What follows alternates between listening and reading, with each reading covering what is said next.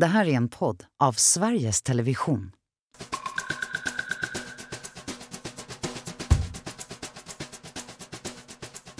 Hanif Bali kom ensam till Sverige som treåring. 20 år senare röstas han in i Sveriges riksdag för Moderaterna.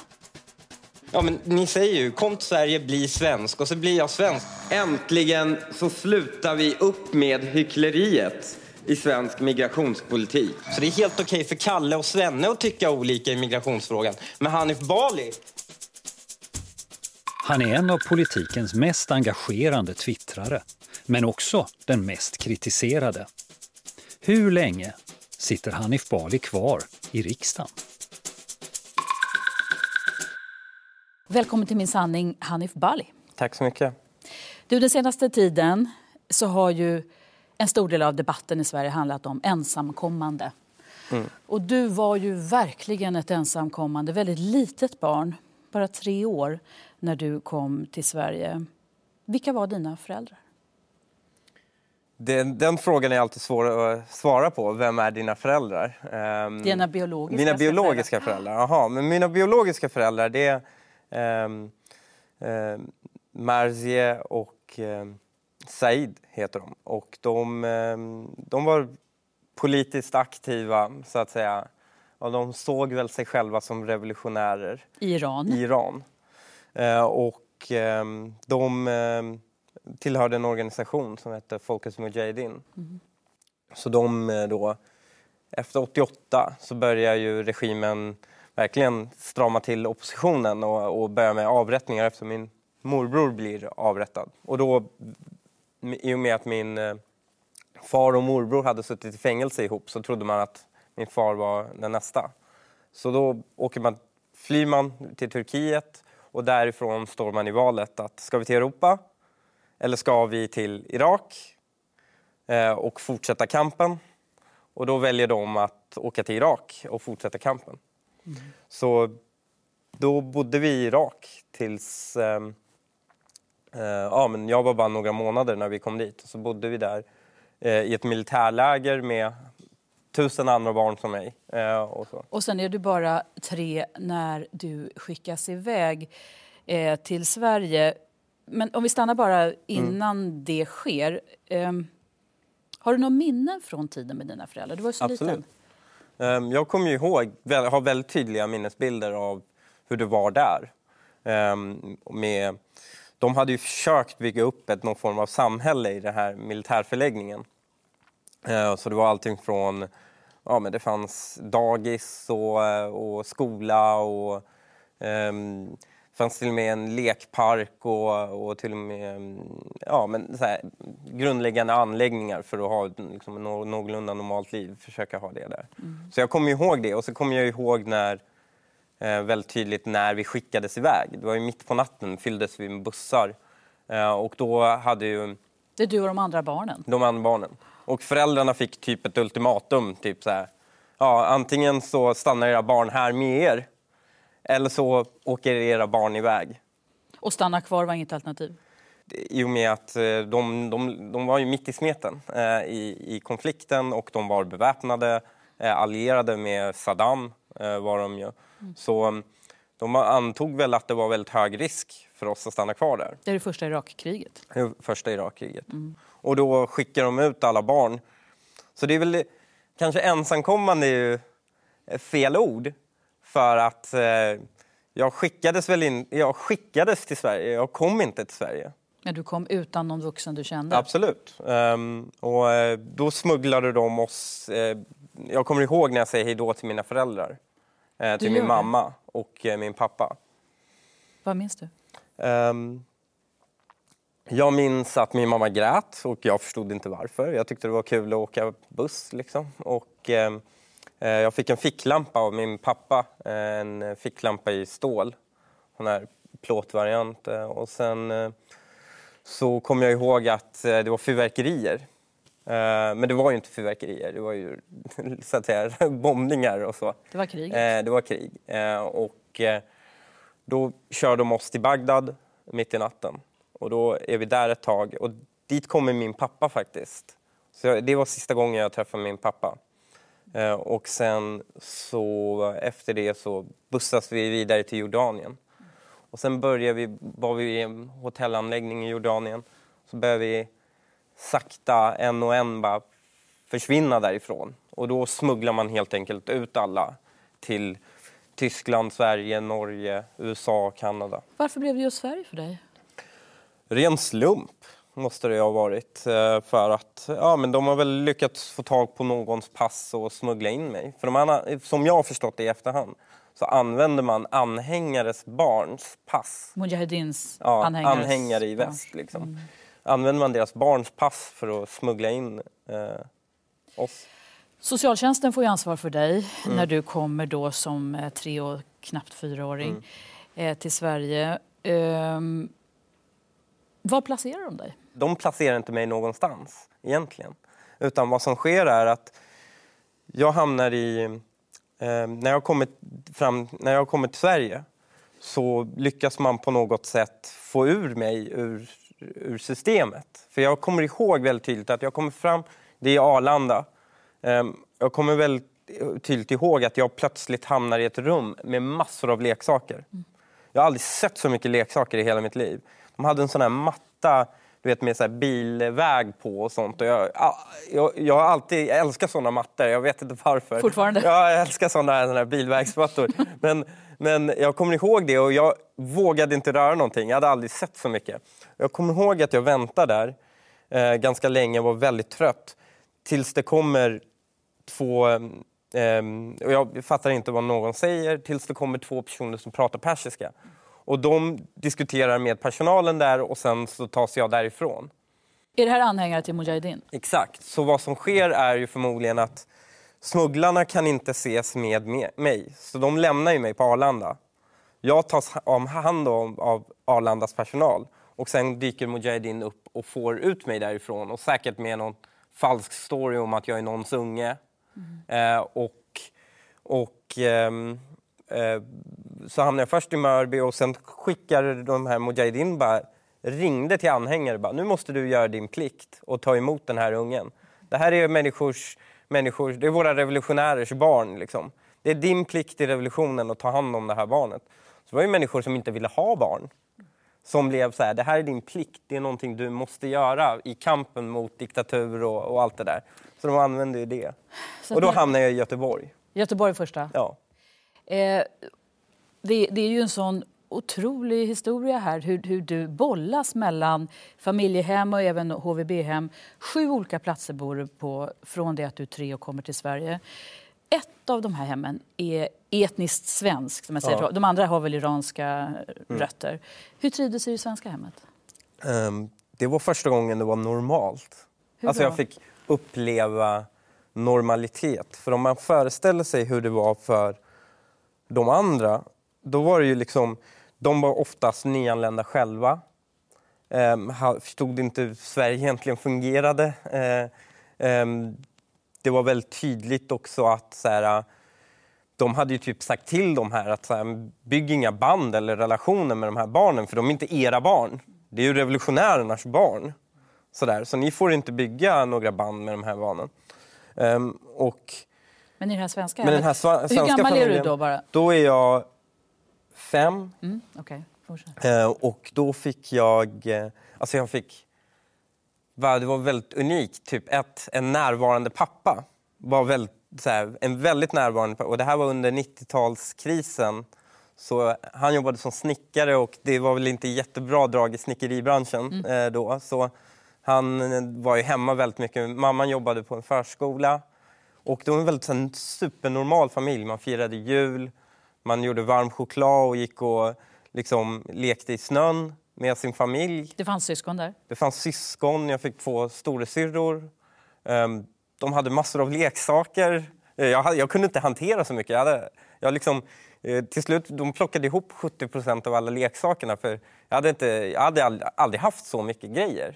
Jag hade två bilar när vi var i Irak. Det var två plastbilar. Och plötsligt hamnade jag i rum med hundratals leksaker. Och jag, bara, jag kunde inte hålla ordning på det eller någonting. Och sen i det här hemmet där du trivs så bra, du bor Ja. är det, ett drygt år eller något sånt. Mindre. Det, det blev inte ens ett år. Jag kommer ihåg flyttade dit på hösten, tror jag det var. Och sen firade vi Lucia, kommer jag ihåg, och jul och allt det där. Och sen på sommaren, tror jag, det, jag blev ivägflyttad igen. Varför? Jag har alltid ställt mig den frågan också. Oftast hur det sker, de gånger jag kommer ihåg det har skett varje gång man bytt familj, att plötsligt dyker det upp en familj hemma hos dig. Alltså hos din nya familj. Det är några så- som ska ta med dig? Ja, och så, nej, men de bara dyker upp och så ska du umgås med dem en dag. Och sen umgås man med dem en, en dag. Och sen efter ett tag så kommer alla och frågar och socialen alla så här. Hur var det? Hur känns det? Eh, vill, vill, vill du vara med de här? Liksom. Och då vet du ju att du, svaret de vill ha är ju ja. Och då svarar du ja. Och sen så flyttar du liksom och ja, de var ju trevliga och roliga. Eh, men eh, så jag blev ju flyttad, men då har jag i efterhand försökt gräva varför flyttar de på mig. Eh, och en motivering de hade var ju att ja, men Folkets Mujahedin låg på socialen och ville att och resonerade med dem om att ja, men det är viktigt att Hanif behåller sin religion.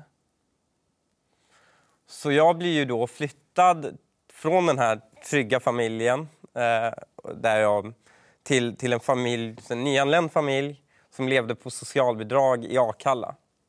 Och som är muslimer då? Fast de var ju inte ens muslimer. Var du muslim? Nej. Var din familj muslimer? Ja, det skulle de, men man skulle väl kunna kalla det, men de är liksom de är väldigt sekulära. Alltså vi, vi, vi hade aldrig någon religion. Liksom, sådär. Det var inte viktigt för dig? Det var inte alls viktigt för någon. Men det var bara ett argument som man drog för SOS och SOS köpte det.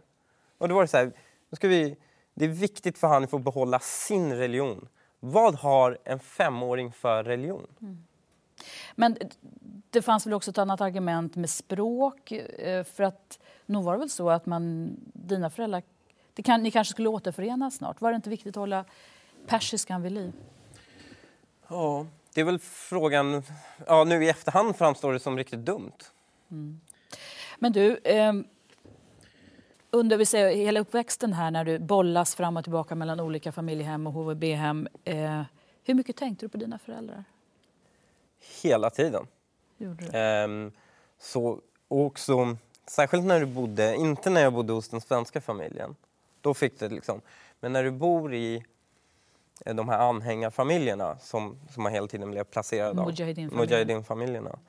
Ehm, då blir du konstant um, påmind att dina föräldrar är där och bedriver en kamp och bara om ett halvår är du i Teheran med dina föräldrar. Hoppet skulle hållas Ja, vid liv. de höll det vid liv hela tiden och... och eh, ehm, så du, du, tänkte hela tiden på dina föräldrar och du blev hela tiden påmind om att vänd dig aldrig vid det här. Liksom. Det här är inte normalt. Längtade du efter dem? Ja, det är klart man, jag saknade. Eh, men efter ett tag så försvann ju det. Eh, och det var väl lite i början av tonåren egentligen det försvann. Eh, att man saknade. Ja, för sen när du är 16 år så eh, går du med i Moderata ungdomsförbundet. Hur kom det sig egentligen?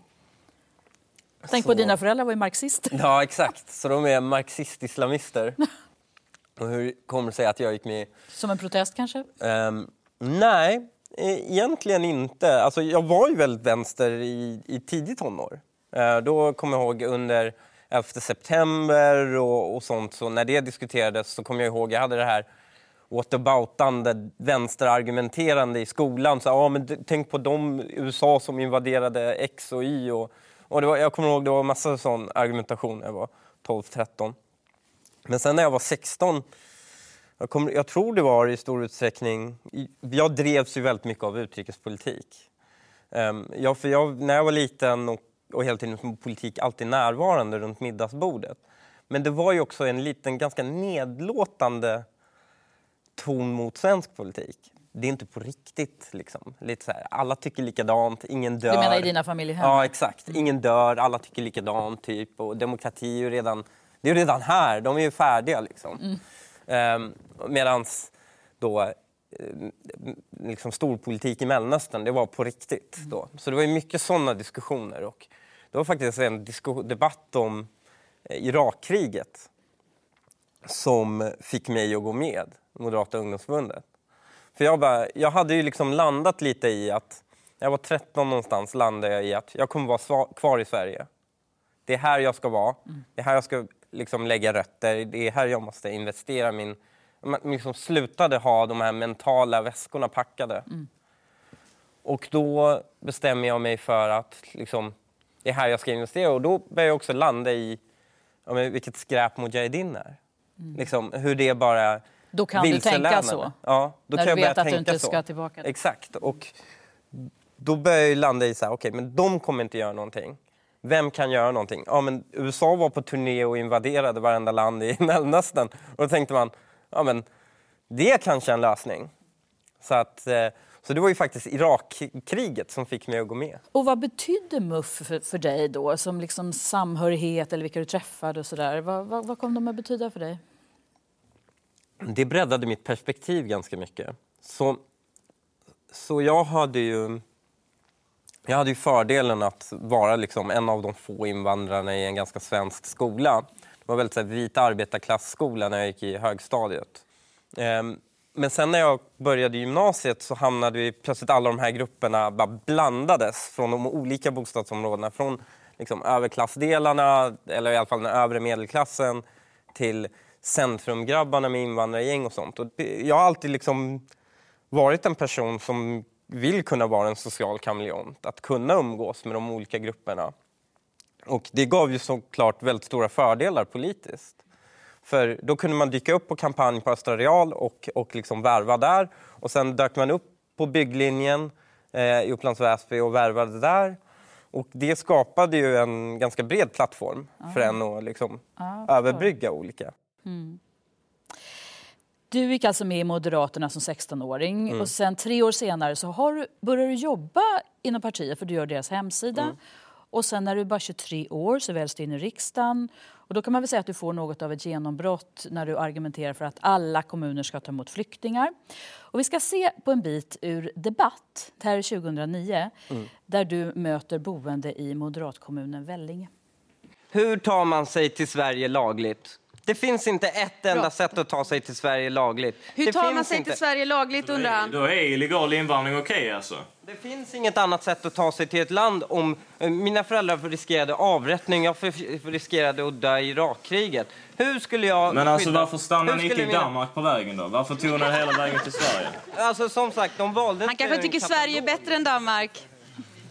Ja men det är det Alltså, som är hela jag- poängen. De alltså, gör ju det och det har ju sin jag, Jag har anledning. levt i det här landet sedan jag var tre år gammal. Jag betalar väldigt mycket skatt. Jag, betalar, jag, jag går plus så att säga för Sverige just nu. Och det finns många fler som kan göra det, bara vi ger dem chansen.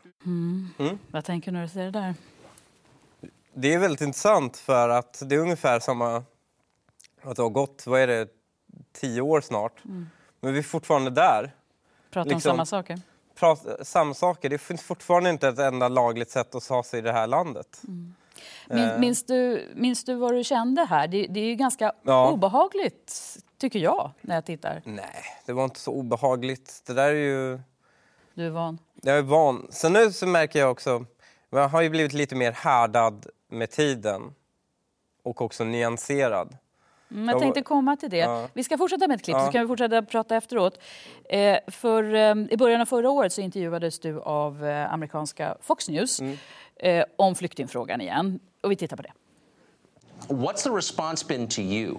If we want to help people, and that is truly what we want to do, you cannot put so much pressure to the system that the uh, that the system collapses under its own weight. And the response I've been having to, uh, because I'm, you know, merely putting this statement out that saying, look, there's a limit to how my, many people you can you can take in, uh, has been to call me basically uh, uh, Uncle Tom, a house.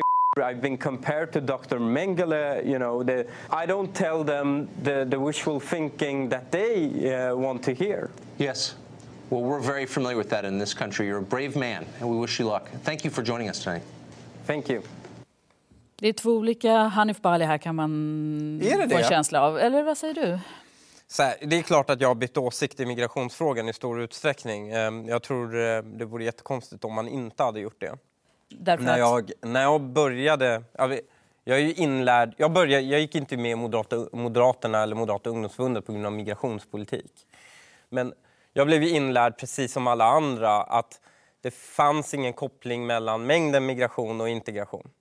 Alltså att det här var ju ett tabu som existerade och vi blev ju indrillade redan som, som i politiken att, eh, i ungdomsåren att men det finns ingen koppling mellan hur många du kan ta emot och du kanske kommer ihåg den här Hur mycket invandring tål Sverige? Ja, det var ett program som jag Exakt. var ansvarig för. Och då blev det ju en stor debatt hur man, att man ens kan säga att det finns någon form av gräns på hur många man kan ta emot. Um, och um, det ändrades ju väldigt, jag tror det var runt 2012-13 där, där jag bara undvek migrationsfrågan i väldigt stor utsträckning och fokuserade på integrationsfrågan de första åren. Men sen så landade Du var ju talesperson för de frågorna inom Moderaterna. Ja, eller jag var ansvarig för dem i arbetsmarknadsutskottet. Men det, det som jag landade i är att du kommer inte ifrån det. Volymer spelar roll. Eh, och det tog... Och sen när jag började debattera det här ehm, och då höll jag väldigt god ton och var väldigt lugn och allt sånt så märkte jag att det blev väldigt hetska utfall. Ehm, och då märkte jag efter ett tag att ja, det spelar ingen roll hur man säger det, det är vad man säger som, som stör människor. Men man kan ju få en känsla här av klippet från 2009. Där använder du, eller du, du påminner om din egen historia. Mm. Du har ett ganska sårbart ansikte. Du, du, du, du försöker ge liksom, eh, påminna om vad det innebär att vara tvungen att fly och så. Mm. Sen är klippet från Fox News, och det är ju bara en bild, det, det är ju ganska Mm. symptomatiskt för hur du nu framträder i flyktingfrågan. Så känns du mycket hårdare, inte särskilt empatisk. Eh, du, du hamrar in de här Mm. Ja. som du tycker är sanningarna. Då. Ja. Ser du den skillnaden själv? Ja, absolut. För 2009 var jag alltså då en 22-årig eh, programmerare. Ehm, Medan klippet från förra året, då är alltså en 30-årig systemansvarig liksom, Som riksdagsledamot. politiker, som, Mm. som riksdagsledamot. Ehm, Det kan man ju vara och samtidigt ha ett hjärta. det är klart man kan, och jag, jag försöker i så stor utsträckning som möjligt att ha ett hjärta i det enskilda fallet. Det är klart att man tycker otroligt... Min, min, min familj är ju väldigt engagerad i ensamkommande och har haft ensamkommande från, från Afghanistan. Den då, sista eller- familjen du bodde ja, i. Exakt. Mm. Och eh, det är klart, när man träffar de här grabbarna så är de ju helt fantastiska. De är liksom, och de har helt fantastiska livsöden. Och det är klart att man tycker synd om det enskilda fallet. Eh, och det är klart att det gör ont att läsa om de enskilda fallen. Men man får ju ha ett ansvar för helheten också. Och problemet med Sverige har varit att eh, det har inte funnits... Det har alltid varit så att den enskilda berättelsen har alltid övertrumfat systemet. Och nu har vi nått den punkten där det har gått så pass långt att vi måste strypa invandringen rejält på grund av att vi inte kunde bromsa lite tidigare. För det fanns alltid ett undantag. För det fanns alltid ett, liksom en Så, berättelse. ja, hur, hur stort flyktingmottagande ska Sverige ha idag, tycker du? Just nu så borde den ligga på noll. Eh, för att vi har tagit emot så många. Och vi har ett jättestort problem med bostad, bostäder och utanförskap. Så idag skulle treåriga Hanif Bali inte, kunna, inte få komma till Sverige. Förmodligen inte. Hur kan du leva med det? Därför, jag tror som... Det vore märkligt. Alltså det är en grej. Jag, det jag har aldrig oftast... Eh, jag har aldrig hört någon anklaga politiker bara, varför är du inte mer egoistisk och tänker på dig själv. Tänk på det som hade maximerat det bästa för dig själv. Det är inte oftast det man får. Nu fick du den frågan. Nu får jag den frågan, men det är också inte ens mig själv. Det är en hypotetisk Hanif som existerar, eh, som hade existerat idag. Alltså det, det, det, ju- men, det, är ju- det är ju lite märkligt för att jag har gjort det som blivit ombett av mig. Jag kom, när jag liksom växte upp här i Sverige så har man sagt integrera dig, assimilera dig, bli en del av oss, engagera dig för ditt samhälle, skapa, liksom, skapa din egen politiska uppfattning. Eh, och då har jag gjort det. Och så säger de, men hur kunde du landa i det? Tänk på din bakgrund alla säger väl inte det? Kanske- Nej, nej, men det är ju många... Det, det är Kanske bara vanlig, jag. Nej, nej, nej, det är en vanlig Är reaktion. det så? är en väldigt vanlig Ja. reaktion. Det är här, Man, man, frågar, man frågar väl därför att man tänker det här har väl Jag vet inte hur du ser på det, Mm. men du har ju förvaltat ditt pund väldigt väl. Du har ju verkligen... Du, du, eh, du är en väldigt fungerande person och medborgare, vad du vill. Mm. Eh, och då kan man ju tänka att eh, varför ska vi gå miste om människor som dig? Ja, det kan man ju föreställa sig. Men det där är ju så här fotbollsexemplet. Det är så här, man hittar någon jätteduktig fotbollsspelare och Är säger... du så ovanlig menar du? Men eh, det är väl inte jättemånga ensamkommande flyktingbarn som har eh, bollats runt i SOS-familjer i Sveriges riksdag. du Eh, Men, men jag bara säger att det här fotbollsexemplet går inte helt ihop. För vi pratar om att få ett helt system, ett system att funka. Med en fungerande migrationspolitik, med utanförskap, med fattigdom och alla de här sakerna. Och att säga att ja, men, då och då dyker en Ronaldo upp. Därför borde alla bara få komma till Sverige för att maximera antalet Ronaldos. Tror jag blir... Du, du säger idag eh, noll eh, flyktingmottagande för Sverige. Hur länge då, tänker du? tills vi får ner utanförskapet och utanförskapsområdena Ja, men- till en hanterbar nivå. Så Vadå 10-15 år?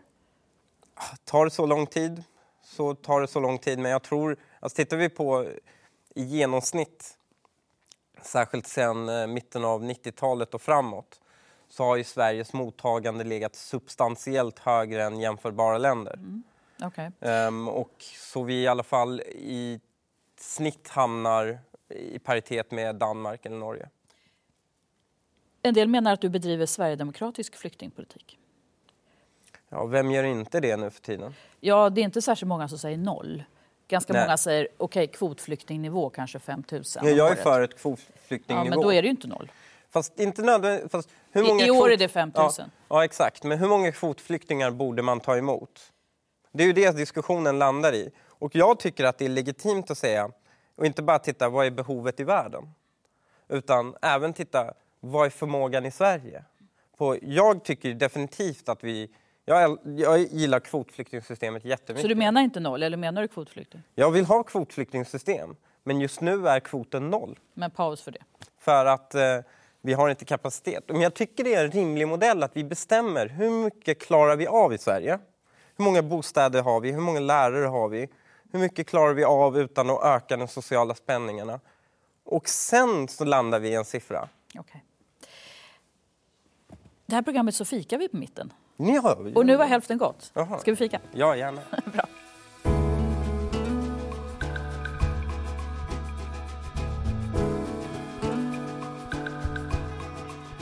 Hanif Bali, du beskrivs ofta som Moderaternas bad boy. Bland annat eftersom du har ett väldigt hård ton på Twitter. Många som tycker. Och så här har du uttryckt dig om ensamkommande afghanska ungdomar. Låt dem demonstrera ihjäl sig. Nej, riktigt så var det inte. Men Hur var det ja, då? Det var, ehm, det var en diskussion vi hade då. Ehm, Jag hade markerat mot, eh, det var ett eh, gäng eh, högerextrema som hade dykt upp där och sagt inga afghaner på våra gator. Och jag hade kritiserat det. Att det beteendet eh, ehm, är destruktivt och också gynnar i slutändan de som sitter där och strejkar. För de får uppmärksamhet och de blir offren. Utan eh, diskussionen var ju det, man skulle låta dem vara. Utan låta dem bara... Och då var det någon som frågade, ja, men vem är det som har ansvar att komma och lyssna på deras synpunkter? Och då sa jag, ingen. Låt dem strejka ihjäl sig fram tills verkställighetsdatum. Och det är alltså att låta dem strejka tills de tröttnar. Det är Och- väldigt hårt uttryckt. Det är ganska hårt uttryckt och det är ganska nonchalant uttryckt. Och, och det är lite det vad jag behö- ty- tyckte att det behövdes för också för att det kändes som att bara för att ett gäng människor har satt sig vid någon trappa att vi ska liksom alla bara eh, släppa vår, våra kognitiva fakulteter och bara känna. Vi, behövde va- vara lite kallsinniga. Men det är väl ingen som tvingas till någonting. Men frågan är ju hur du uttrycker om människor som har, liksom försöker söka sig ett, ett bättre liv som, Ja, de som ju ju- de här killarna har gjort. Sen de- kan vi ju diskutera åldrar och Ja. hemländer och så. Men det här, Men de har ju De- gjort det och fått avslag. ja. Och låt dem demonstrera ihjäl sig. Ja, Alltså, alltså det- meningen är att låta dem, nej, låt dem, nej, låt dem sitt strejka ihjäl sig. var. Låt dem strejka ihjäl sig, sa jag. Och det menar jag alltså, det, det är ju ett uttry- uttryck liksom. Eh, nu har jag jobbat ihjäl mig. Det betyder ju inte att jag, eller liksom, betyder ju inte att man vill någon illa. Det handlar om att låt dem göra det tills de tröttnar. Men finns det någon gräns för vilka elakheter du kan häva ur, ur dig? Eh, Jag tror inte det finns... ja, Det finns väl en gräns, så att säga. Det finns ju ingen... ehm, Tänker du någon gång, nej det här är att gå för långt? Jag har hur många gånger som helst skrivit något riktigt elakt och syrligt och sen inte publicerat det. Varför gör du inte det då? då? För det är för el- elakt och syrligt, kanske. Eh, Man kan inte vara det hela tiden. Eh, Ibland finns det ett syfte med att vara det och ibland finns det inte det. Ibland anser jag att det blir onödigt mycket liv av det. De flesta gånger det har blivit mycket liv av det jag har skrivit. Sen får man ju komma ihåg, jag skriver alltså jag har tusentals interaktioner med medborgare varje dag. Och de gånger det blir diskussion om det är ju för att någon tagit illa upp. Men de gånger vi samlar ihop pengar till Barncancerfonden, de gånger vi har politiska debatter som, i god ton och allting sånt, då blir du ju aldrig uppmärksammad. Men just med tanke på att det, du berättade förut om att en av de familjer du har bott i har nu ensamkommande afghanska killar hos sig. Du möter dem, du hör om deras öde och du berörs av det. Och ändå kan du säga så här om samma grupp. Absolut. För att det är inte samma grupp. Det är de som sitter där jag hade synpunkter på och vad man, hur man skulle hantera. Ehm, många av dem jag pratar med, också afghanska ensamkommande, där finns det, det finns disparata åsikter där också. Det är många som tycker att Sverige är för generöst också. Vissa tycker att vi borde vara mer generösare eller göra undantag för dem. Men många delar också uppfattningen att ni ger ju uppehållstillstånd till dåliga människor också. Och varför gör ni det? Varför ger ni avslag till mig som sköter mig? Och varför ger ni bifall till någon som är kriminell? Eh, sådana åsikter framgår. Det är ingen homogen grupp. Nej. Det, däremot, i en politisk manifestation som kräver total amnesti baserat på, jag vet inte varför, Du pratar om gymnasielagen. Ja, gymnasielagen exempelvis. Eh, eller de krävde ju bara total amnesti. Gymnasielagen blev ju en eh, kompromiss. Jag förstår inte vad som är så speciellt med just denna grupp jämfört med alla andra grupper. Och jag menar, jag, det måste man ju också ha rätt att, eller inte bara rätt, utan det bör man påpeka. Och man bör också kunna Det är, ju språk, en... det är språkbruket som reaktionerna man bör också om. kunna att det här är och utsatta människor som, som ofta har ett helvete. Mm. Och sen så uttrycker du det väldigt hånfullt, elakt. Det är ju det det handlar om. Men du, jag skulle vilja gå vidare till Det jag sak. uttrycker mig ganska hånfullt och elakt om nästan allting. Eh, Ja, och, så- det är väl så- när det är, så, när det är väldigt utsatta människor som man reagerar. Eh, Kanske, eh, men det beror på tror jag eh, vilket narrativ det matar in i. Man, och man, och särskilt de som då... Det är väldigt få som inte ville ha amnestin som blev upprörda över det. I vintras så figurerade du i en rörig historia eh, som man fick, eh, Ja. det fick ju kännbara effekter för dig. I korthet så kan man väl säga att eh, du publicerar en mejlkonversation mellan en svensk journalist och Utrikesdepartementet. Mejlkonversationen misstänks främmande makt ha kommit över genom avlyssning och sen delat vidare till den högerpopulistiska sajten Nyheter idag som i sin tur delar den vidare till dig. Och det stämmer ju inte. Hur är det då? Ehm, så här, det är en, det de begärde ut den, eh, den här tidningen Nyheter idag då begär ut den här eh, handlingen. eh, Det är en offentlig handling. Mm, Konversationen. Konversationen är en offentlig handling och de begär ut den.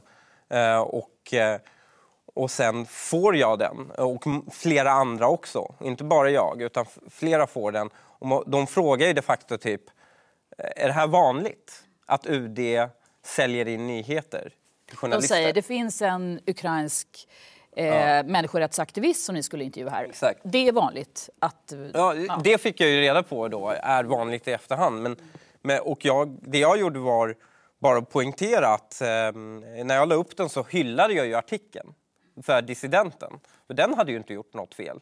Däremot så tyckte jag det var märkligt att UD sålde in nyheter till svenska journalister. Tydligen är det kutym att göra så i Sverige. Ehm, Det kände inte jag till och det tror jag Man föreslår, här finns nu en människa ni ska kanske vara intresserade av att intervjua. Ja, Hur som helst, om vi håller oss till din del i det hela så, så menar ju Moderaternas partiledningen att man vill inte ha någon i partistyrelsen som går främmande makts ärenden. Det var Mm. ju deras syn på det hela. Och du petas från partistyrelsen. Hur reagerar du på det? Det tyckte jag var väldigt ohederligt med tanke på att eh, när jag pratade med dem så, var det, så gjorde de väldigt tydligt så här, vi vet att du inte går främmande makts eh, Och var, ärenden." varför petar de dig ändå? Då? Men eh, de vill väl kanske visa sig handlingskraftiga gentemot media. Jag Du sa- du sa går själv- ett drev så går ett drev. Du sa själv efteråt, förtroendet för mig är sargat. Mm. Var det så du såg det? Ja, jag var ju inte helt öppen med var jag hade fått det ifrån. ehm, med partiet. Och eh, det sargar ju såklart förtroendet. Jag borde ju bara liksom... Sen får man ju tänka sig också att jag får ju väldigt mycket tips. Jag ju... Jag tror jag har fler så att säga, människor som hör av sig till mig än, än resterande liksom, riksdagsledamöter tillsammans eh, varje dag. Och då förutsätter ju väldigt många när de pratar med mig att jag inte berättar mycket av de sakerna som de tipsar mig om. Men här gick du långt. Och Mm. sen i somras, mitt under valrörelsen, så retweetar du en bild som väcker mycket starka reaktioner. Vi ska ta och Mm. titta på den. Hanif and DN at war. Ja. Hanif och Dagens Nyheter alltså at war. Det här var ju efter att DNs ledarsida under längre tid har kritiserat dig. Och sen senare så lägger du upp en bild riktad mot DN där du poserar med automatvapen. Nej, men vänta, det där är ju en kraftig förenkling. Det är några ungdomar som har gjort, klippt in mitt ansikte på ett dataspelsfodral. Ehm, och spelet heter ju World at War. Men då har de ju valt att skriva Hanif and DN at War. Eh, det är ett gäng eh, unga satiriker som gör, eh, det här, har det här kontot. Jag tyckte det var väldigt roligt. Vi har ju en Ja. tid nu där president Trump förklarar krig mot medierna, journalister dödas, det fria ordet pressas i många delar av världen. Och där tycker man att du, du, du ser inte det, att det är väldigt okänsligt. Och... Ingen under 30 köper att det där är ett hot. För alla har spelat det där spelet och alla förstår den kulturella referensen. Ingen som går och läser inläggen själva och det jag menade gentemot DN och kan, kan tro att jag hotar DN på något sätt. Men det, det, är ändå, det är ändå ett mysterium för mig, måste jag säga. Eh, Allt jag läser och hör om dig inför det här programmet och tidigare, jag förstår, jag är ju helt klart för mig att du har, du har väldigt lätt för dig. Människor beskriver dig som särbegåvad till och med. Du, har, du hade toppbetyg i skolan, du har gjort en politisk fantastisk karriär i unga år. Och sen så blir ändå de här problemen hela tiden. Vad är det? Det är Hanif. Det är personligheten. Det är att jag gillar och är en personlighet som vill kunna uttrycka mig fritt. Vill kunna säga det jag menar utan att vara livrädd för hur det ska tolkas. Som inte är rädd för att prata direkt med mina följare. Du har nästan 100 000 följare på Twitter. Ja. Och extremt. nästan 100 000 på Facebook. Många unga killar. Du tänker inte att du... Tänker du på ditt ansvar? Jo, jag tänker på mitt ansvar. Tänk om någon kunde berätta till de här killarna, var inte rädda. Våga säga er hjärtas mening. Var inte hela tiden rädda för hur media och andra ska tolka vad du tycker och tänker. Utan säg din mening. Väldigt många av våra problem i Sverige hade kunnat liksom, hade kunnat nypas i sin, i sin, eh, ja, i sin lindo om vi hade bara vågat vara lite mer raka och öppna, lite mindre känsliga över vem som ska till, ta illa upp. Så jag tror Ja, jag, jag ja. Samtidigt så, så kostar det dig väldigt mycket. Det gör det. Du är ute i kylan nu i, inom Moderaterna. Du har blivit av med din pla- plats i partistyrelsen. Du, har, du är nu ersättare i arbetsmarknadsutskottet från att tidigare varit ordin- ordinarie. Du, eh, Ulf Kristersson verkar få huvudvärk bara han tänker på dig. Va, va, varf, varför gör du så här? Är du inte rädd om din riksdagsplats? Eller vad, vad, vad tänker du? Sen, det jag märkt är snarare, ju öppnare och så att säga mer mig själv jag är, desto mer stöd har jag från väljare och medlemmar. Så jag vann ju till exempel provvalet i, i Moderaterna. Jag kom etta. Jag fick näst flest kryss av alla moderater efter min partiledare. Ehm, så jag får ju ett starkt stöd. Men partiledningen? Ja, de tycker förmodligen eh, att det är jobbigt att behöva diskutera med en person hela tiden medan de vill prata enligt sin liksom, kommunikationsplan och sånt. Och jag har full förståelse för det.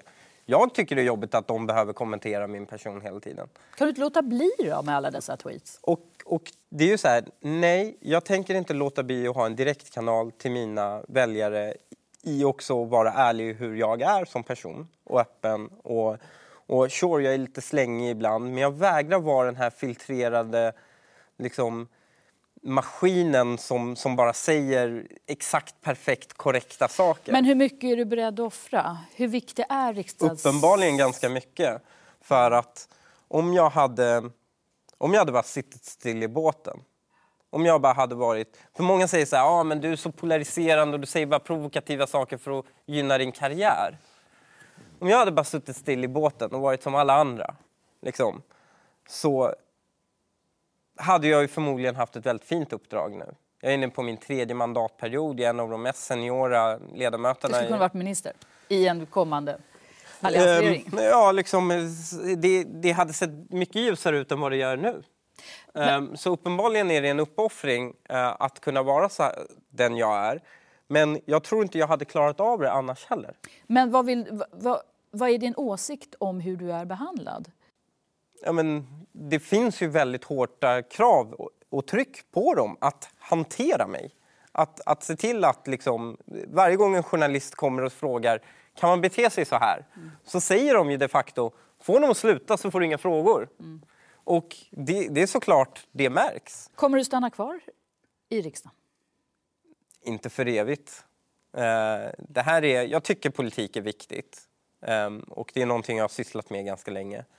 Men märker jag att jag bara sitter och värmer en bänk, eh, då, då finns det roligare saker att göra i livet än att vara liksom främsta hatobjektet för ganska många människor. Eh, och eh, för den delen konstant vara i konflikt och sådana saker. Utan jag är en datanörd i grunden. Så det är klart att någon dag, jag, jag har ju mitt företag vid sidan av och jag behåller, jag programmerar då och då bara för att behålla den kompetensen. Är du på väg att lämna din riksdagsplats? Nej, det är jag väl inte helt. Men eh, så att säga, det alternativet finns alltid och har alltid varit öppet för mig. Att känner jag att jag står och stampar, då drar jag. Är du på väg, är du på väg att tröttna? Nej, än så länge är det väl roligt. Sen är det kanske inte så kul att hamna i en situation där man inte får påverka policy så mycket, att man bara blir opinionsbildare. Och det klarar jag av att göra utan att vara riksdagsledamot. Så det, i mina öron låter det som att du står vid ett vägskäl? Det kan man säga. Och du vet inte hur, hur det, framtiden ser ut riktigt? Um, nej. Um, jag jag har ju eh, liksom, jag har en förpliktelse gentemot alla de som har röstat på mig. Det är ju liksom ena.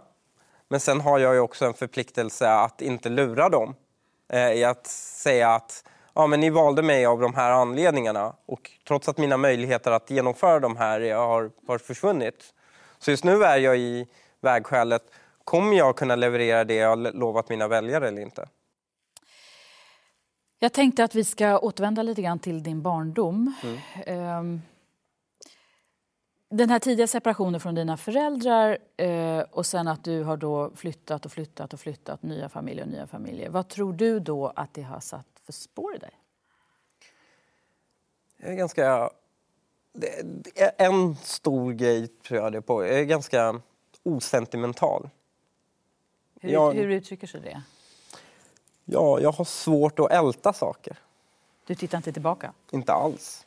Det är väldigt mycket framåt. Nu glömmer vi det där och jag kan inte förstå. Jag, det blir ju konflikt ibland för att liksom, någon kanske kommer ihåg att man gjorde någonting fel och då ska man ju återgälda det. Så glömmer man ju emotionellt bort det. Utan man går ju bara vidare. Nu tänker vi framåt. Eh, och inte kanske känner att så här, men jag, har en, jag har en skuld jag måste återupprätta här. En sån här teori är ju ofta, om, om man inte har liksom blivit störd i sin anknytning till föräldrar och sådär, att man sen får svårt att knyta an till andra, att känna sig riktigt trygg med någon. Känner du igen det? Tvärtom. Jag har väldigt lätt att knyta mig an Aha. till nya människor. Och eh, det har väl varit eh, Eh, du har, gått... du har flera långa förhållanden? Väldigt, må väldigt, många långa förhållanden som vi har väldigt snabbt blivit ihop också. Mm. Liksom. Det har gått väldigt kort tid från att man träffades till att man blev tillsammans. Eh, så uppenbarligen känner jag inte det. Du har en ring. Ja. Som har en speciell historia. Ja, den här... Ehm, eh, när jag flyttade till min familj i Akalla Så Hur gammal Ali, är du då? Då är jag sju. Ali eh, som bodde där, jag kommer ihåg, jag satt och lekte med hans hand. Och det här var hans vigselring. Eh, och eh, då sa jag, ehm, eh, när, när, eh, eh, när, när du dör, kan jag få din ring då? sa jag. Ehm, Eh, och han sa, din lille jävel, ja, du, har, du har knappt hunnit flytta in än. Det var första veckan. Eh, du har knappt hunnit flytta in än och du börjar dela upp eh, liksom, eh, bohaget här liksom, och, och, och så. Eh, och sen... eh, Men det var kärleksfullt. Ja, det var det. Eh, jag och Ali hade en väldigt komplicerad relation med varandra. Eh, han var väldigt sträng och hård eh, när jag bodde hos honom. Eh, men sen när jag flyttade ifrån honom så återanknöt vi med varandra. Han mådde väldigt dåligt då också innan och sen mådde han mycket bättre senare. Och vi blev väldigt, väldigt nära eh, vänner liksom. Eh, och... ehm, det här var några år sedan. Jag hade precis blivit tillsammans eller träffat min flickvän. Så jag var och besökte honom eh, i Borås. De bodde i Borås då eh, och hade flyttat från eh, Husby eh, dit. Och jag eh, umgicks med honom och han hade precis fått en hjärt... Eh, så här, det hade blivit något med hjärtat. Så han skulle sluta röka och käka sin medicin och allt det där. Ehm, och jag kommer ihåg vi umgicks och Eh, Han fick mig alltid att skratta väldigt mycket. Ehm, och sen eh, åkte jag hem och någon dag efteråt så gick han bort. Och då ska vi sköta det här med eh, ja, liksom begravningen och, och allt sånt. Och, eh, eh, då ska hans kropp tvättas enligt eh, då, tradition. Och då var det ju hans vänner som skulle göra det. Jag ville inte vara med liksom. Eh, och när hans kropp ska tvagas så ja, bara ren slump. Jag är i, i receptionen då och väntar. Så kommer en av hans vänner ut och har den här ringen i handen eh, och ger den till mig. Och säger så här, ja, han hade på sig det här. Så det var lite av en slump liksom. Eh, hamnade den hos mig och eh, jag försökte ge tillbaka det till mamma, ge den till mamma. Sa mamma att ja, men den har ju alltid varit din så kan du behålla den. Alltså hans fru. Så eh, ja, Det är skönt att du har den nu. Mm. Han betyder mycket för dig. ehm, ja Jag ser det på dig. eh, det, är inte så van, det är inte så vanligt att jag, eh, ja, jag blir blödigare med åldern märker jag. Det var mycket lättare att berätta den här historien eh, för ett tag sedan.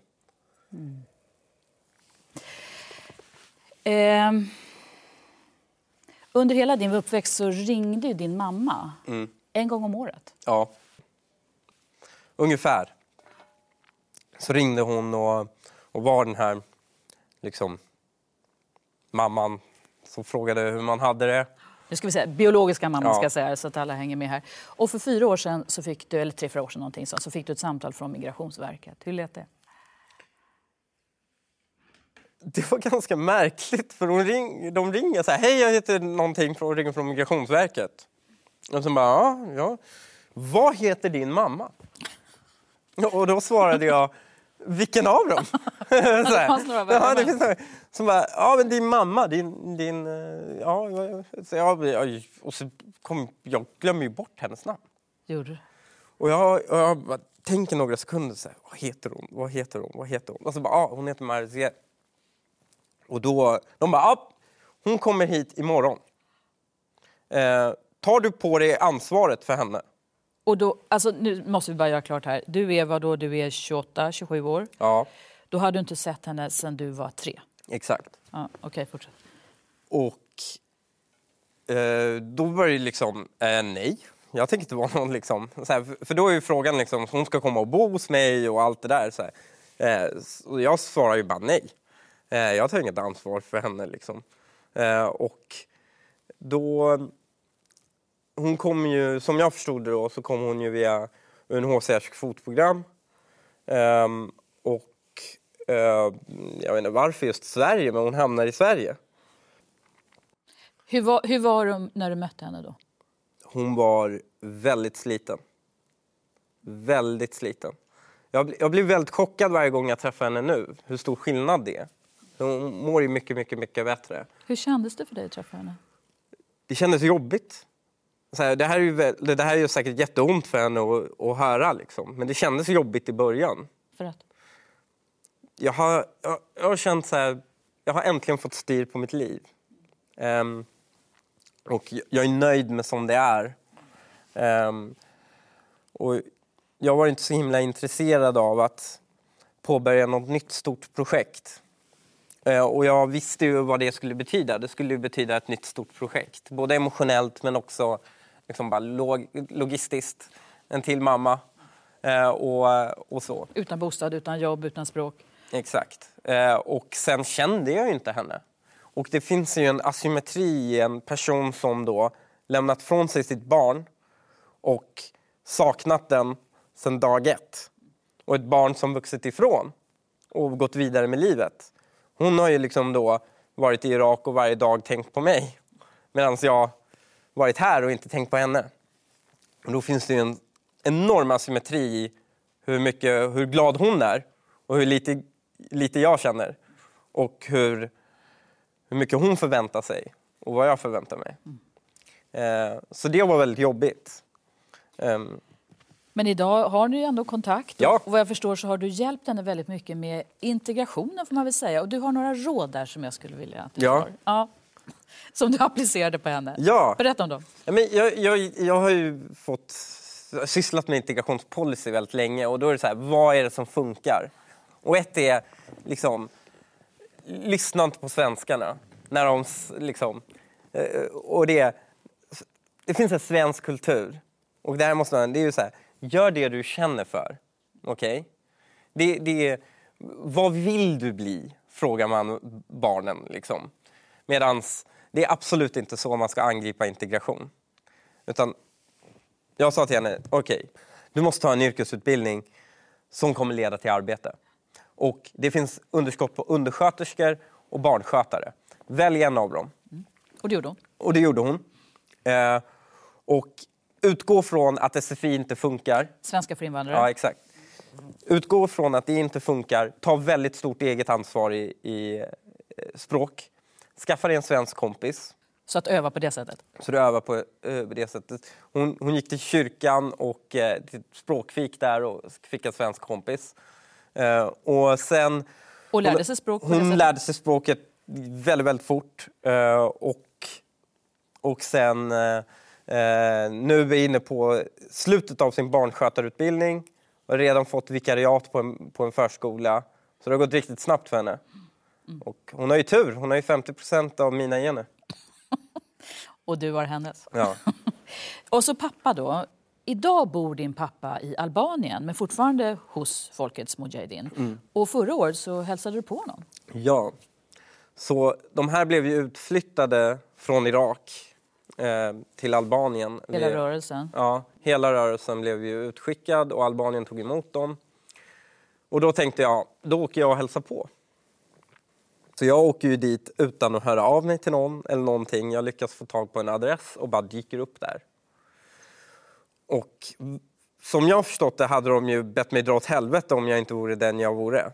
Mm, Du säger att du är riksdagsledamot. Nej, de visste vem jag var. De har koll. Så då blev det lite kaos några sekunder när jag stod där utanför. Och, och sen så, så till slut så fick, blev jag insläppt och då, ville, då fick jag träffa min pappa. Och, de, eh, och det, var, det var väldigt kul. Ehm, Jag, jag gick ju med i Moderaterna lite för att jag trodde ju så mycket på det egna fria valet. Du vet. Eh, Att jag är mästaren över mitt öde. Och det är kanske någonting man vill höra när man är liksom, när man haft den bakgrunden man har. Att man inte är dömd på förhand. Men gud vad lite vi styr egentligen. Eh, när jag träffade min pappa och, och min mamma. Eh, jag är ju inte uppväxt med dem alls. Så man kan inte påvisa några miljöfaktorer där. Men alltså jag är ju en kopia på dem. Du? Så min pappa är precis som mig. Ganska teknisk, logisk sådär och, och, och väldigt lik mig till både sättet och temperament. Mamma är precis som mig också. Hon är pratglad, högljudd, argumentativ. Så jag är verkligen en så här hybrid mellan dem båda. Hans jobb är tekniskt. Liksom. Jag är också har en, liksom, ju, hade ett tekniskt jobb innan jag hamnade inom politiken. Så det är liksom... Så det var ju väldigt kul att upptäcka. Du kände, alltså, även fast ni inte har träffat på så Ja. många år så är ni så lika. Har du förlåtit dem idag för att de lämnade, skickade iväg dig? Det, det, är väl, det är väl väldigt elakt att inte göra det. Um, men jag känner inte... Jag känner inget behov av att förlåta dem. Jag tycker inte de borde söka förlåtelse heller. Um, de gjorde det de ansåg var det bästa valet i, av de val som stod framför dem. Men som, det, jag, det, jag, det är en sak att jag inte tycker att de... Liksom, jag tycker inte de borde söka förlåtelse. Gör de det? Ehm, kanske. Det gör de kanske. Men de, jag tycker däremot att man ska stå sitt kast. Alltså att säga, du har gjort ditt val. Jag tycker det är... Okej, du, du gjorde det. Men jag gillar inte att höra efterrationaliseringar till varför och, ehm, och så vidare. Jag, jag tycker inte om... Nu är, det, nu är det som det är och jag är faktiskt tacksam att det är som det är. Jag är väldigt nöjd med mig själv idag. Så jag är väldigt glad över att det har blivit som det har blivit. Ehm, Men det minskar ju också rätten att avkräva mig något. Eh, Så det är väl, väl, ganska skönt nu, för nu har ju till exempel jag och min mor har ju, förstår varandra helt. Liksom. Hon avkräver mig ingenting. Eh, Och jag avkräver inte henne. Hon vill ju helst att jag ska avkräva henne någonting. För hon vill ju kompensera på något sätt. Men jag tycker det är bra som det är nu. Liksom. Och du har tre mammor. Jag har tre mammor, jag har massor av syskon. Ehm, Så det här med att kalla mig för ensamkommande kanske ser lite fel. Jag är, det är min sista jag är, är ju ensam. Hanif Bali, tusen tack för att du kom till Min sanning. Tack så mycket. Du har lyssnat på Min sanning, ett program av Sveriges Television. Programledare var Anna Hedenmo. Ni kan se programmet på SVT Play eller höra fler intervjuer där poddar finns.